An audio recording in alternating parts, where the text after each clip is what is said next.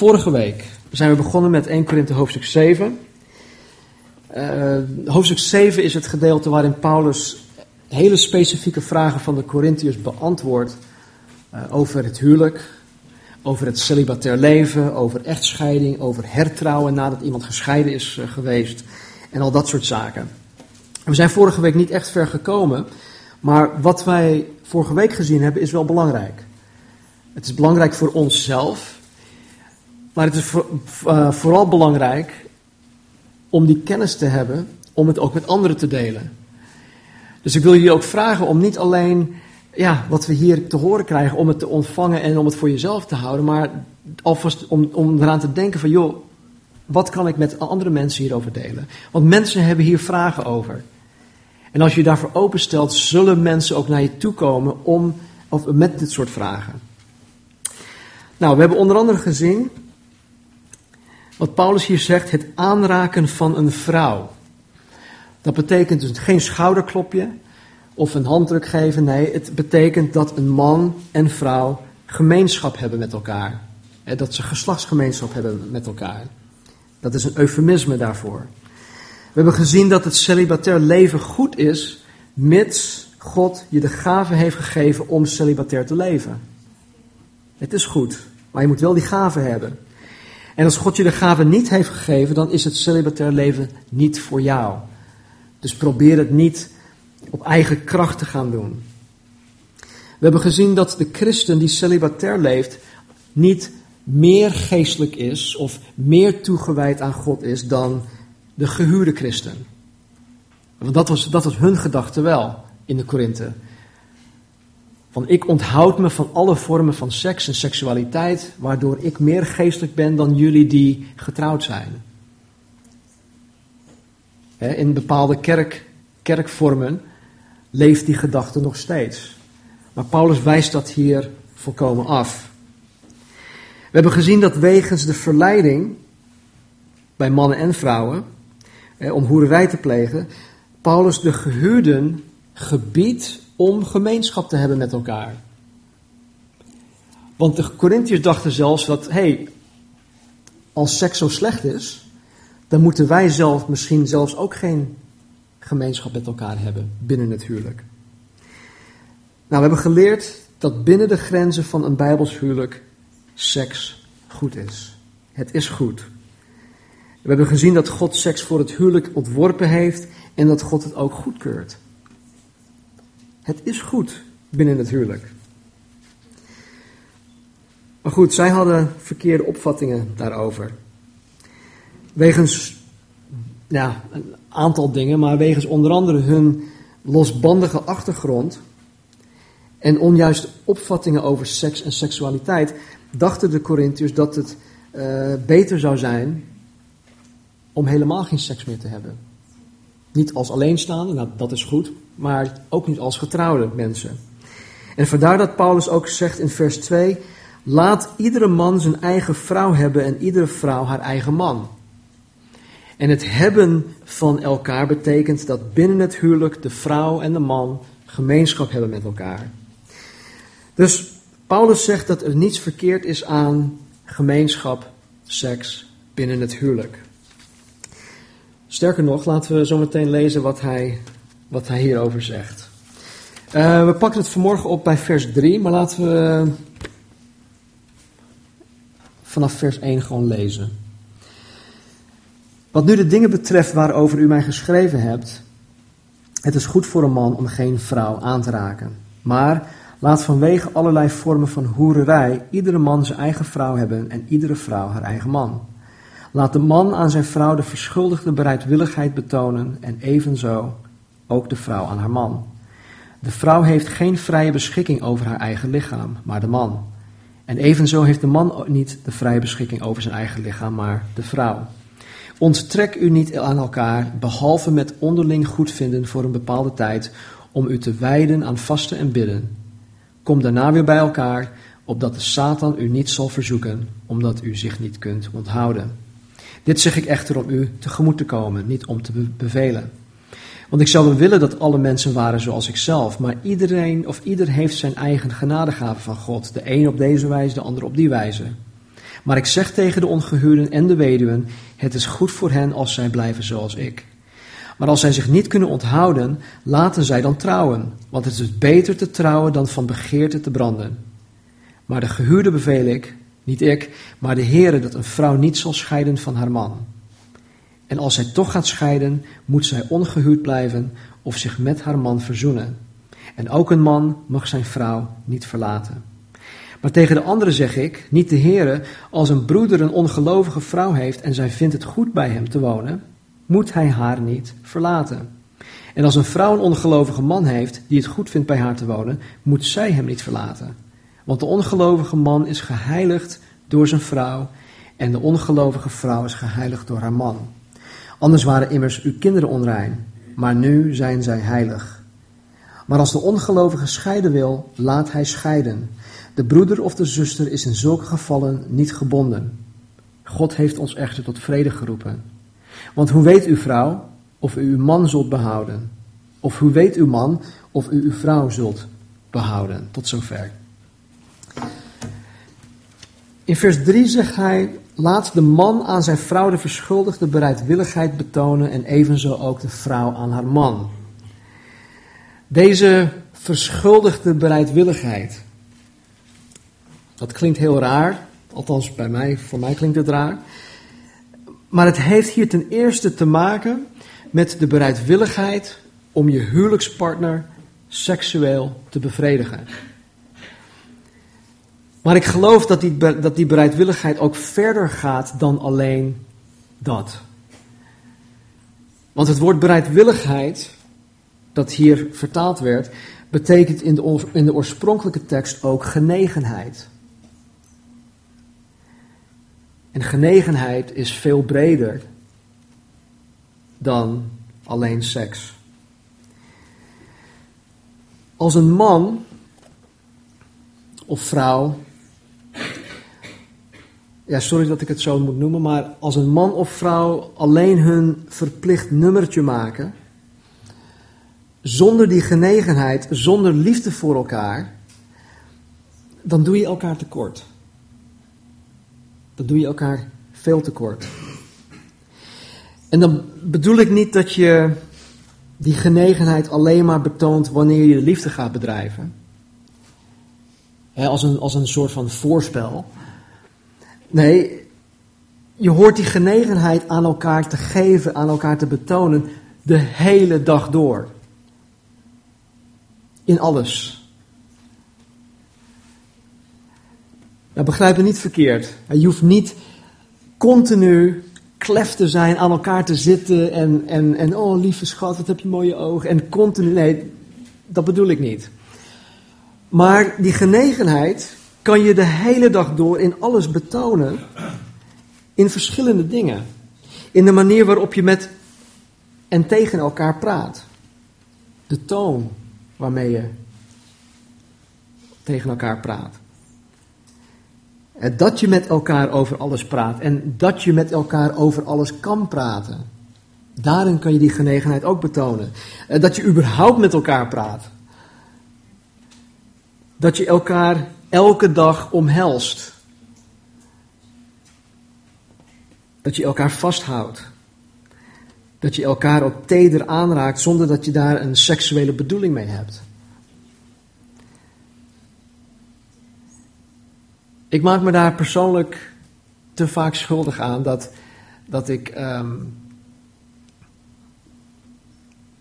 dat ik Marnie bijvoorbeeld aanraak, hè, niet de gezichts, maar, dat ik, maar dan, dan dan zegt ze van joh, uh, ik, ik, ik voel me alsof, alsof ik een, een goedkoop stuk vlees ben voor jou.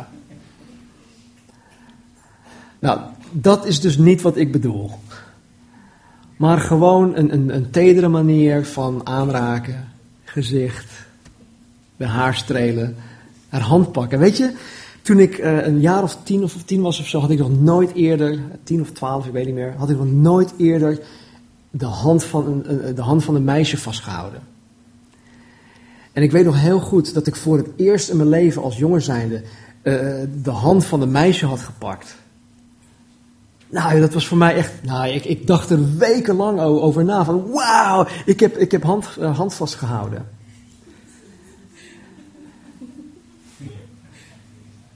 Hoe denk je er nu over?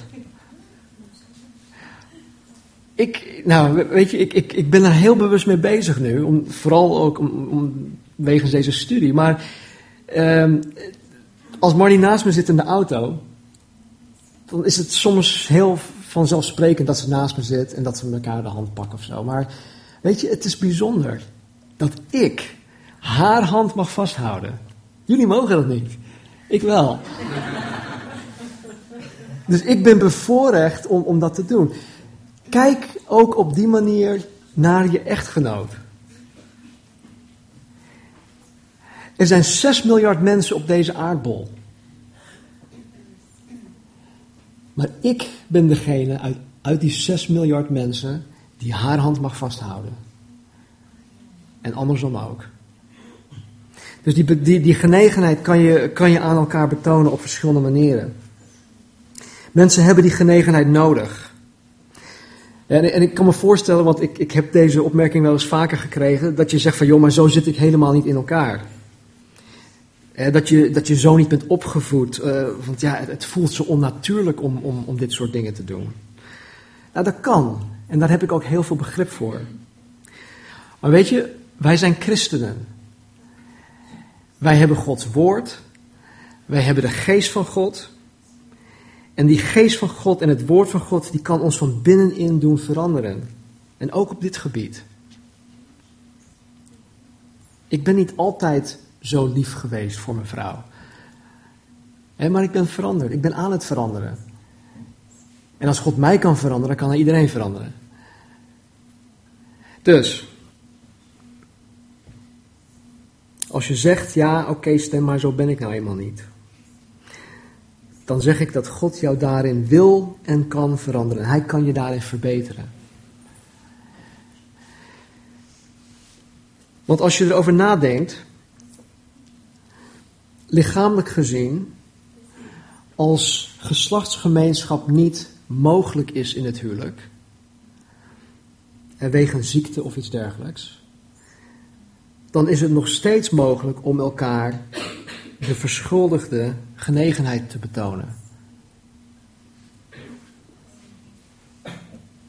Maar als je dit niet hebt, en als dat andere wegvalt, wat dan? Dat andere is makkelijk.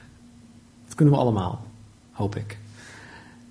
Maar werk vooral aan de tederheid, aan het liefdevol zijn de toon die je neemt met je echtgenoot.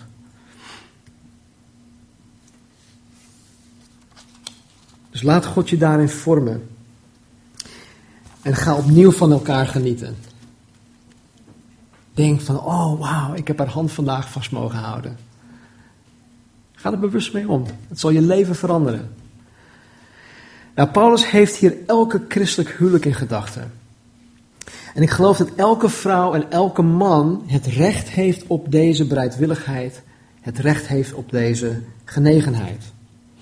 Maar wat mij hierin opvalt, is dat de nadruk op het betonen van deze genegenheid ligt. Dit spreekt van het geven van genegenheid, niet het verkrijgen ervan. En met andere woorden, God legt de nadruk op het geven en niet op het ontvangen. Dus dit spreekt tot mijn verantwoordelijkheid hierin, als man zijnde. En jullie vrouwen als vrouw zijnde. Paulus zegt dat ik het moet betonen en dat ik deze tekst niet moet gaan misbruiken om het van mijn vrouw te gaan eisen en andersom ook. Want dat kan heel makkelijk gebeuren. er staat hier, jij moet liefde betonen, jij moet genegenheid betonen. Nee, ik eerst. En als ik het doe en blijf doen en daarin volhardt en daarin groeit en die andere doet dat niet, dan zal die andere na verloop van tijd toch gaan veranderen. Liefde verandert mensen. Vers 4. De vrouw heeft geen vrije beschikking over haar eigen lichaam, maar de man. En evenzo heeft ook de man niet de vrije beschikking over zijn eigen lichaam, maar de vrouw. In de, in de praktische zin, in het dagelijks leven, is is mijn lichaam mijn eigen lichaam. Ik doe ermee wat ik wil, ik zorg ervoor, ik, ik, ik, ik gebruik het om, om, om God mee te dienen. Mijn zaak. En in de diepste, in de diepste, in de, in de geestelijke zin, heeft God het alleen recht op mijn lichaam. In Romeinen 12 staat er dat wij ons lichaam als een levend welgevallig offer aan God moeten geven. Dus mijn, mijn lichaam is uiteindelijk in de diepste, de meest geestelijke zin, is Gods eigendom. Maar binnen het huwelijk, binnen mijn relatie met, met, met Marnie, is mijn lichaam ook haar eigendom. En haar lichaam is ook mijn eigendom. Ik deel het zeggenschap over mijn lichaam met mijn vrouw. En zij deelt het zeggenschap over haar lichaam met mij. Het is dus niet zuiver mijn beslissing of ik die bereidwilligheid en genegenheid aan Marnie betoon of niet. En mijn lichaam is ook Marnie's eigendom en zij heeft daar recht op. Dus ik moet mijn lichaam gebruiken om die genegenheid, die liefde te betonen. Daar heeft zij recht op. En andersom ook, gelukkig. Nou, dit wil dus niet zeggen dat ik misbruik mag maken van, van haar lichaam. En zij mag ook geen misbruik maken van mijn lichaam. Ik mag haar lichaam niet opeisen om ermee te doen wat ik maar wil.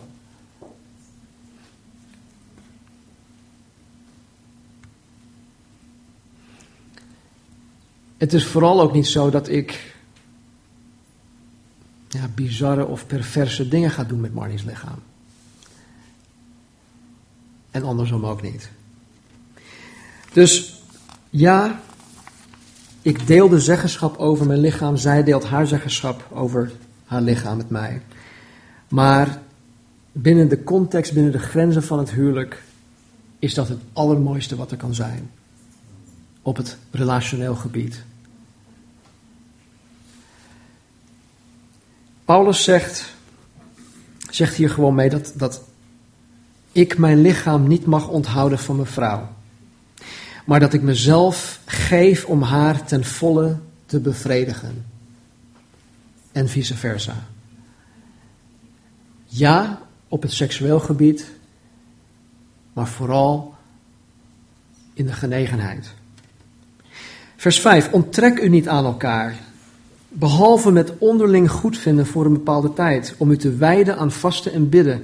Kom daarna weer bij elkaar, opdat de Satan u niet zal verzoeken, omdat u zich niet kunt onthouden.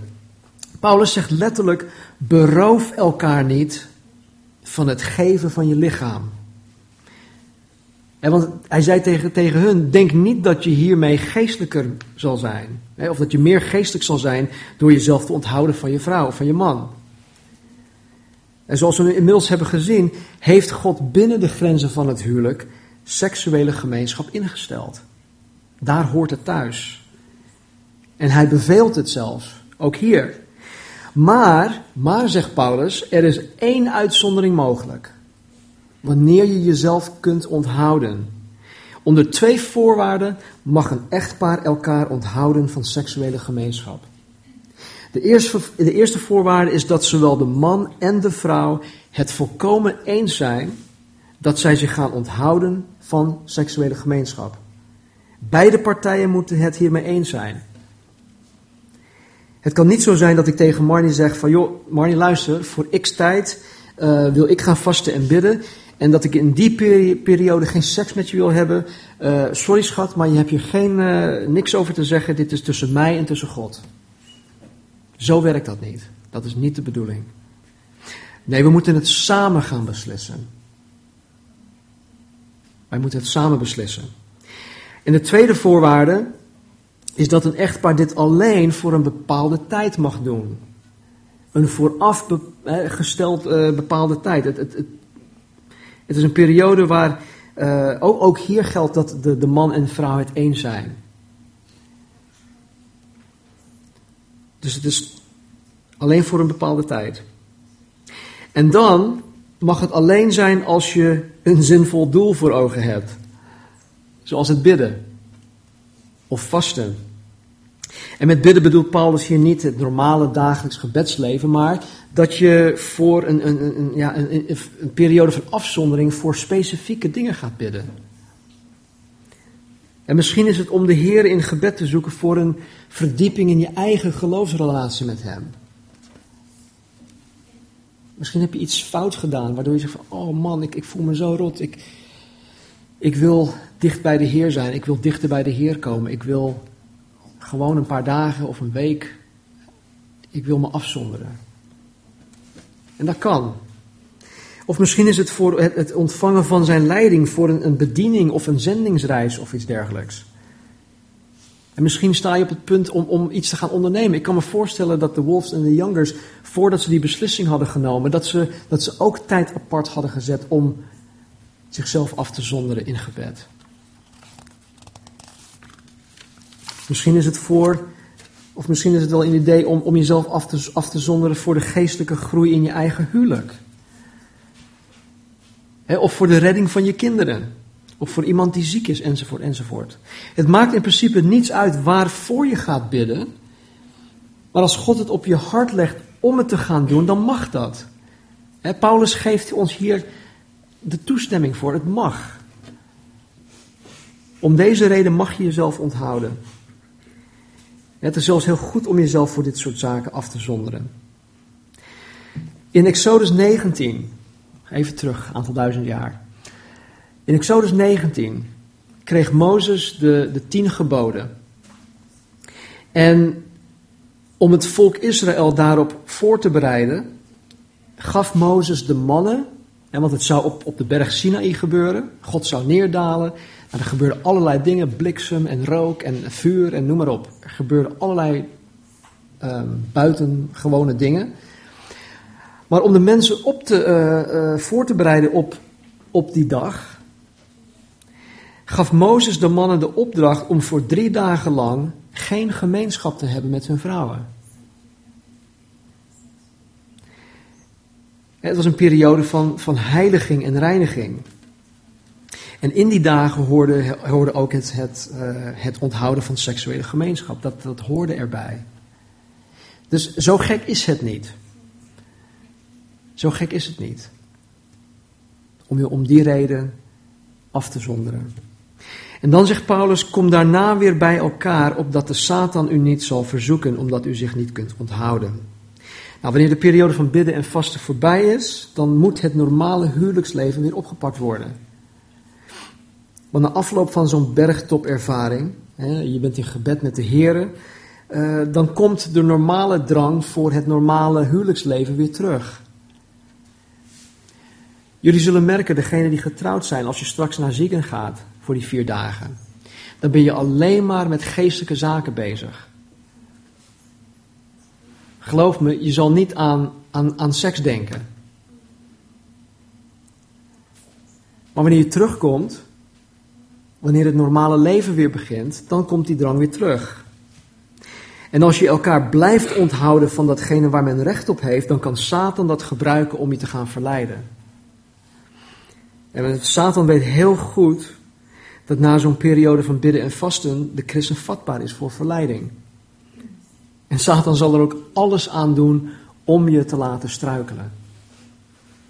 Alles. Vers 6. Dit zeg ik echter om u tegemoet te komen, niet om te bevelen, want ik zou wel willen dat alle mensen waren zoals ikzelf. Maar ieder heeft zijn eigen genadegave van God, de een op deze wijze, de ander op die wijze. Ik geloof dat Paulus hiermee zegt dat hij er volkomen van bewust is dat zowel de, uh, het celibatair leven als het getrouwd leven goed is. En dat hij hiermee niemand beveelt om te gaan trouwen. Hij zegt als het ware dat als je vrijgezel bent, prima, dat is goed. Als je die gave hebt van het celibatair leven, is dat goed. En als je van plan bent om te gaan trouwen, of je bent reeds getrouwd, dan is dat ook goed. Het is allemaal goed. Het punt is namelijk dat de geestelijkheid van de christen niet bepaald wordt door je, uh, door je burgerlijke staat. Want zo dachten zij. Zij dachten van, hé, hey, ik ben alleenstaand, ik ben celibatair, ik ben meer geestelijk dan jullie getrouwde mensen. En Paulus zou wel willen dat iedereen vrijgezel zou zijn zoals hij dat was. Waarom? Want hij weet dat iemand die niet getrouwd is, veel meer vrijheid en onafhankelijkheid heeft om de Heer te dienen dan iemand die wel getrouwd is. Maar tegelijkertijd weet hij dat zowel het vrijgezel zijn als het gehuurd zijn een genadegave is van God. Allebei zijn een gave. Maar, zegt hij in vers 8, ik zeg tegen de ongehuurden en de gehuurden, het is goed voor hen als zij blijven zoals ik. Nou, wat mij hier opvalt is dat Paulus onderscheid maakt tussen gehuurden en weduwen. Het valt me op omdat volgens de Bijbel een weduwe ook een ongehuurd iemand is. En verderop in vers 25 noemt Paulus ook nog eens de maagden. De vrouwen die nog nooit eerder getrouwd geweest zijn. Of, of vrouwen die nog nooit eerder geslachtsgemeenschap hebben gehad. Nou, ik geloof dat Paulus bewust drie verschillende categorieën vrouwen noemt. Hij noemt de ongehuurden. En hij gebruikt dat woord ongehuurden eh, op verschillende manieren. dat, dat woord is uitwisselbaar. Maar hij gebruikt het hier volgens mij op, op een uh, hele specifieke wijze. Hij gebruikt het, woord ongehuurden, weduwen en hij gebruikt in dit hoofdstuk ook het woord maagden.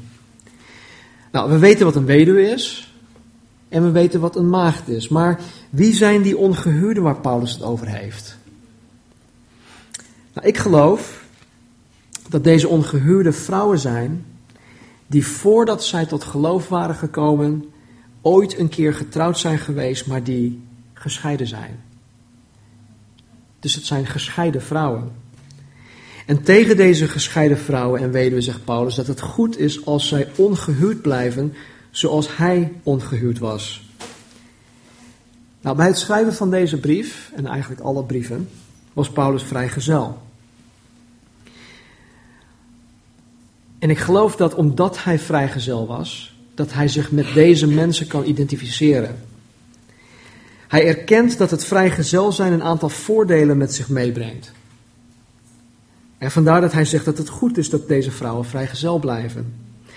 En Paulus zegt veel meer over dit, dit onderwerp later in het hoofdstuk. Nou, alhoewel de Bijbel niet expliciet iets zegt over uh, Paulus' burgerlijke staat, hè, dat hij, um, dat hij uh, vrijgezel, oh nee, dat hij ooit getrouwd is geweest. Um, geloof ik persoonlijk dat hij wel getrouwd is geweest. Maar daar kom ik, daar kom ik volgende keer op terug. Dus Paulus zegt tegen hun: blijf vrijgezel. Maar als zij zich niet kunnen onthouden, laten zij dan trouwen, want het is beter te trouwen dan van begeerte te branden. Hiermee sluit ik af. Nou, zoals we er uitgebreid over gehad hebben, is het vrijgezel zijn, het celibatair leven, een genadegave van God. Het is, het is niet voor iedereen. En Paulus zegt hier dat als je die genadegave van God niet hebt gekregen, dan moet je niet op eigen kracht proberen celibatair te blijven.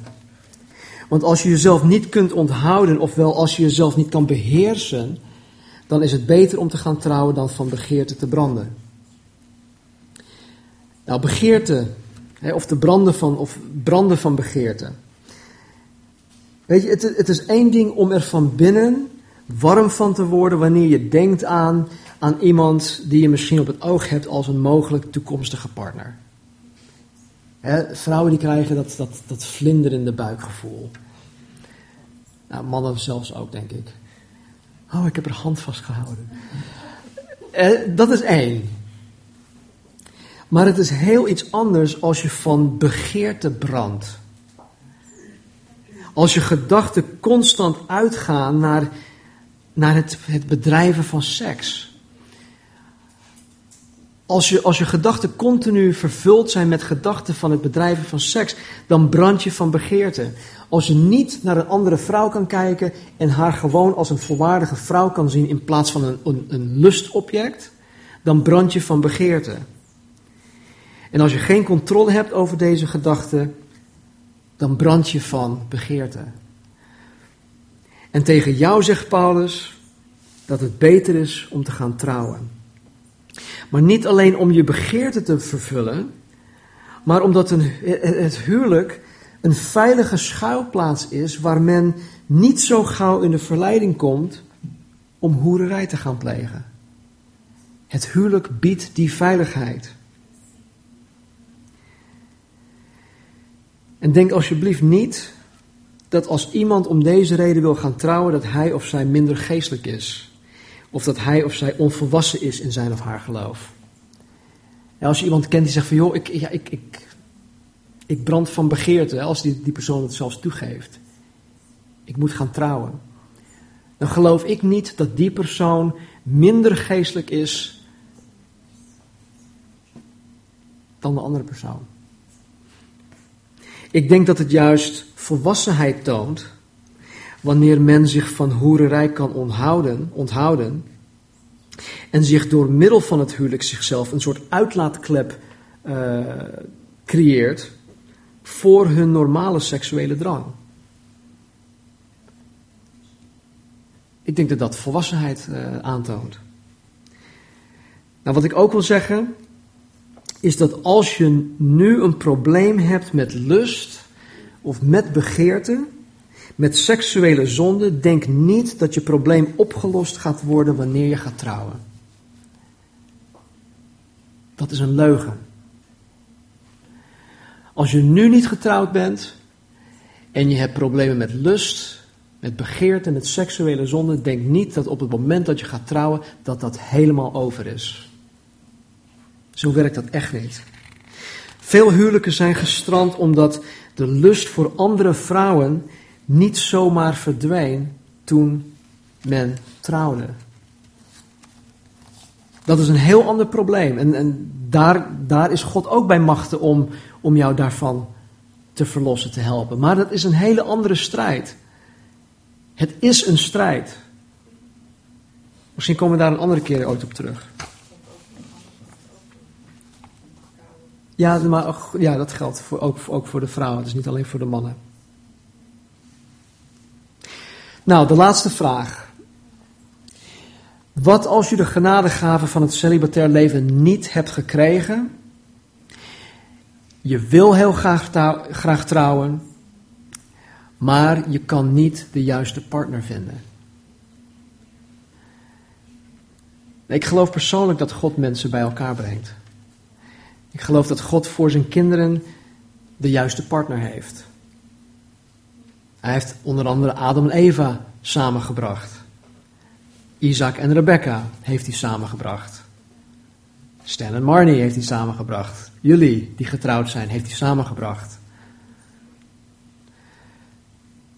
Ik geloof ook dat waar de christen worstelt met het vinden van de juiste partner, de partner die God voor hem of haar heeft, um,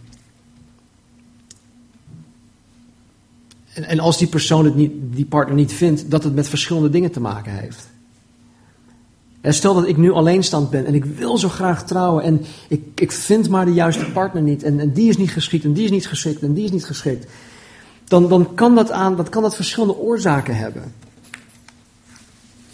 Nou, ik kan natuurlijk niet alle dingen noemen, maar ik heb gezien dat sommige mensen zich zo focussen op het trouwen, dat ze God vaak vooruitlopen en al te vaak met de verkeerde persoon trouwen. Ik heb ook gezien dat sommige mensen gewoon nog niet klaar zijn om te gaan trouwen. ik bedoel dat, dat Jan bijvoorbeeld, in deze fase van zijn leven nog, nog geen goede echtgenoot zal zijn. En als Jan geen goede echtgenoot zal zijn voor zijn toekomstige vrouw, dan zal God hem ook nog geen vrouw geven tot hij totdat hij er klaar voor is.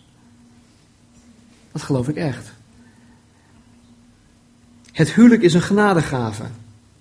Je partner is een genadegave. En stel je voor dat God je een partner geeft die niet in staat is om een goddelijke echtgenoot te zijn. Stel, stel je voor dat God je een, een ongeschikte partner geeft. Of iemand die nog niet in staat is om, om, om een goede man of een vrouw te zijn. Wat voor gave is dat dan? Dat is net zo'n kerstcadeau die je, die je krijgt en van, oh nou, leuk. Moet ik hier nou mee? Nou, zo'n zo, zo'n gave, zo'n cadeau wil ik niet hebben hoor. Maar zo'n cadeau wil ik ook niet zijn. Als ik alleenstaand was. En want ik, ik, ik word, als ik niet getrouwd was, dan, dan word ik ook in de toekomst misschien een, een, een genadegave voor iemand anders. En ik wil een goede genadegave zijn voor iemand anders. Ik wil een goede gave zijn voor Marnie. Dus in plaats van de focus op het trouwen te leggen, is het beter om je focus op jezelf te leggen. Om een goede, een goddelijke echtgenoot te worden voor je toekomstig huwelijk. Wanneer je er klaar voor bent, dan, dan zal God jullie tweeën bij elkaar brengen. Wie het ook mag zijn. Wie het ook mag zijn. Um, laten we bidden, want we komen, we komen vandaag niet verder. Vader, ik dank u voor, u, voor uw liefde, Heer, voor het uh, blauwdruk van het, voor het huwelijk. Ik dank u, Heer, dat Paulus ook zo duidelijk, of in zulk duidelijke taal ook tot ons spreekt, tot ons heeft geschreven. En dat wij hier, hieruit weer uh, ja, hele belangrijke lessen mogen behalen. Help ons, Vader, om um, de bereidwilligheid en de genegenheid aan elkaar te betonen. En heren, waar we dat nog niet, ja, waar we misschien nog niet eens weten hoe we dat moeten doen, Vader, leer het ons. Ik geloof, heren, dat, de, dat uw woord vandaag in onze harten zijn, is, is gezaaid. En dat, um, ja, ik bid, heren, dat het zaad ook um, wortel zal schieten. Heren, dat het ook um, in goede aarde zal vallen. Heren, dat het ook vrucht zal dragen. Dus help ons, heren, om die genegenheid en die liefde en die bereidwilligheid aan elkaar te betonen. Leer ons om, om, om ja, hoe dat te doen. Heren, waar we misschien misbruik hebben gemaakt van elkaars lichaam. Vader, vergeef het ons. En um, help ons, heren, om, om daarvan te bekeren. Leer ons ook, heren, als gehuurden om elkaar te geven waar wij, waar wij de recht op hebben.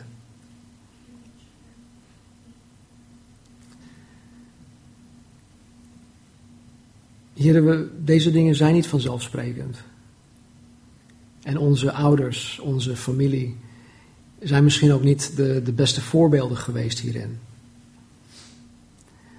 Maar Heer, u bent ons voorbeeld en u heeft uw woord en uw geest gegeven, Heer, om ons hierin te vormen.